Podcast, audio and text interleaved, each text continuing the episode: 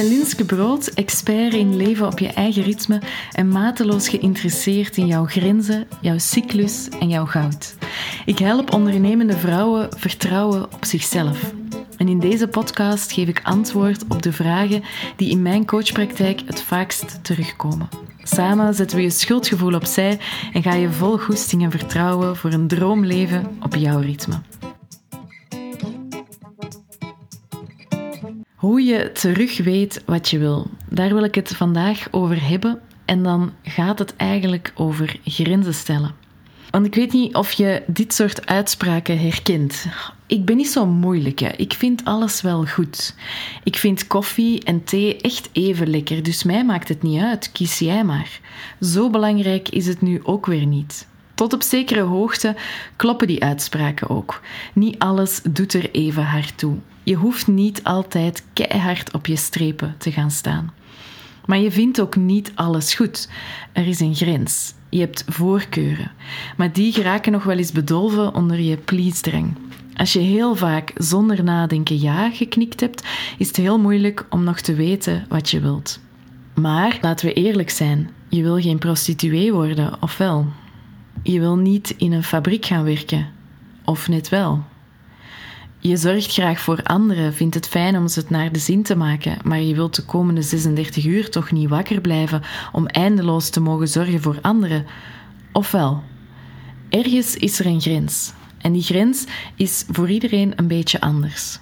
Iets wat je niet meer oké vindt, wanneer het niet meer eender is, dat bepaal jij zelf. En als je gewend bent om te pleasen, dan is die grens moeilijk te benoemen, laat je die vaak door anderen bepalen en wordt die op den duur een beetje vloe. Je durft die ook niet meer te benoemen, want wat gaan andere mensen daar wel niet van denken? En voor deze ene keer kan je het nog wel door de vingers zien. Zo belangrijk is het nu ook weer niet. Liever nu gewoon knikken dan te moeten zeggen waar het op staat liever frietjes eten dan zeggen dat je eigenlijk liever pizza eet. Want zoveel maakt het jou nu ook weer niet uit. En dat is ook zo. Niet overal heb je mening over, kan je duidelijk zeggen wat je voorkeur is. Maar als je het nooit doet, weet je op den duur ook niet meer wat wel van belang is. Het wordt een gewoonte om altijd te doen wat een ander voorstelt. Om altijd te zeggen: oké, ook al is het niet altijd oké. Want hoe jouw baas je behandelt, vind je eigenlijk niet zo oké. En hoe die vriendin tegen jou uitviel vorige keer, ook niet. En als je glutenintolerant bent, is pizza echt niet oké. En die Indiër vond je, om eerlijk te zijn, echt niet tevreden. Maar je hebt het niet gezegd. Je bent het slachtoffer geworden van je eigen zwijgen. Het maakt wel uit. En die grens heb jij niet aangegeven. Het schrik voor de reactie van een ander, omdat je liever als makkelijk omschreven wil worden, om goed te doen, om iedereen blij te maken of blij te houden. Terwijl, als we dat in detail gaan bekijken, maak je daar eigenlijk niet zoveel mensen blij mee. Want zit jij graag met iemand op restaurant die daar eigenlijk liever niet wil zitten? Ben je als baas blij met iemand die altijd ja knikt, blijft gaan en straks misschien maanden thuis zit met een burn-out? Heb je het graag dat je lief alles van je slikt en het dan uitmaakt omdat het niet meer te doen was? Hou jij van vrienden die in je gezicht vriendelijk zijn en achter je rug vertellen dat je geen rekening houdt met dat wat ze je wellicht nog nooit in je gezicht verteld hebben?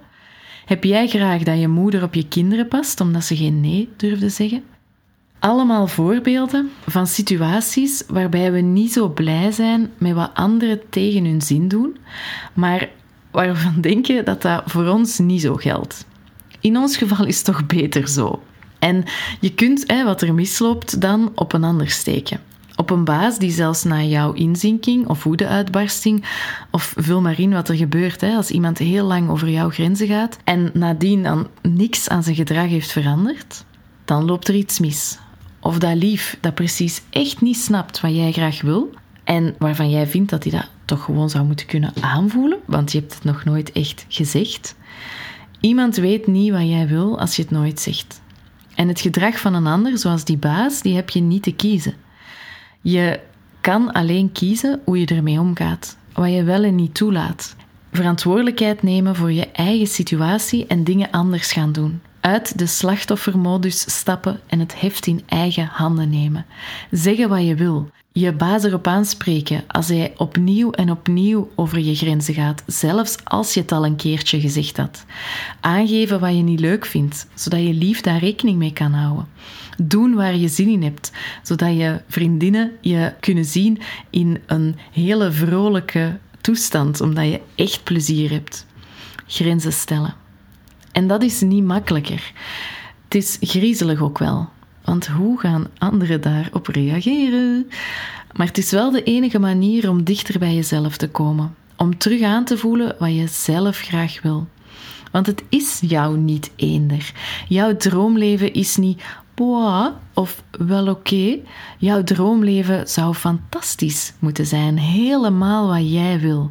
Met mensen om je heen die diezelfde dingen geweldig vinden. En waar dat je dus heel eerlijk over kan zijn, want dan kan je er allebei blij van worden. Met mensen die je niet hoeft te pleasen. Met mensen die jou vanzelf geweldig vinden, zoals jij bent. En die vind je maar door grenzen te stellen en te weten te komen wat er binnen die grenzen hoort en wat niet om jezelf te laten zien. Die rotbaas hoort er misschien niet meer bij. Tijd voor een andere job misschien wel. Die vriendin, die hoort er zeker wel bij, want daar word je echt blij van. Koffie, liever niet meer, want daar krijg je eigenlijk het zuur van. Maar dat wandelen op zondag zit dan weer wel binnen de grenzen, want dat geeft je energie. Grenzen stellen betekent ook dat je te weten komt wat je zelf graag wil en wat niet. Dat dat terug helder wordt. Dat je je eigen goud kan gaan inzetten in plaats van alleen maar te doen wat een ander van je wil. En dan snel, snel ehm, ja te zeggen op dingen waar je eigenlijk, als je erover nadenkt, toch niet zoveel zin in hebt.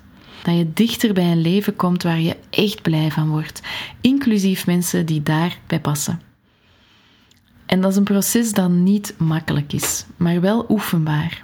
Ik leg je uit hoe je dat kan aanpakken als je dat stap voor stap een klein beetje wilt beginnen oefenen. Want ik eh, raad je aan om klein te beginnen.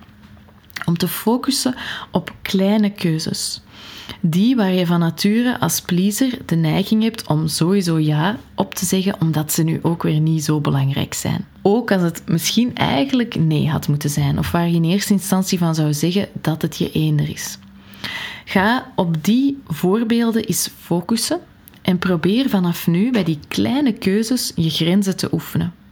We gaan dus oefenen met makkelijke dingen niet met grote keuzes zoals een job, een lief, een huis. Dat zijn beslissingen waar je in het begin nog niet aan toe bent. Maar begin met dingen die makkelijker zijn. Keuzes zoals waar wil je gaan eten met je vriendinnen? Welk drankje wil je vanavond drinken? Waar heb je zin in om naar te kijken op tv vanavond? Welke kleur gordijnen vind je het mooist in IKEA? Om hoe laat wil je afspreken met iemand? Wil je een Zumba-sessie of een yoga-sessie doen? En geef dan, als je daar uh, klaar voor bent, duidelijk aan wat jij het liefste wil. En kijk wat er gebeurt als jij zo duidelijk een keuze maakt. Voel wat dat met jou doet en laat je grenzen, stelspier stilletjes aan sterker worden.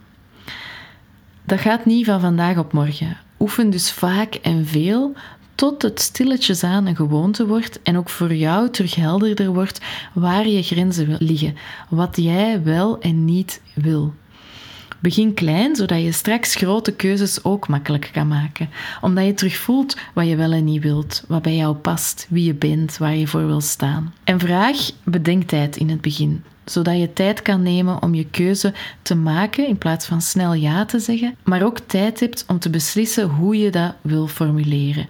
Want help, dat is soms heel spannend in het begin. Begin klein. Ik kan het niet meer benadrukken, ehm, maar het is ook niet erg als zelfs die makkelijke situaties niet van de eerste keer lukken. Als het niet meteen lukt om nee te zeggen. Bewustzijn van de momenten waarop je je grenzen overschrijdt, is ook al een stap in de goede richting.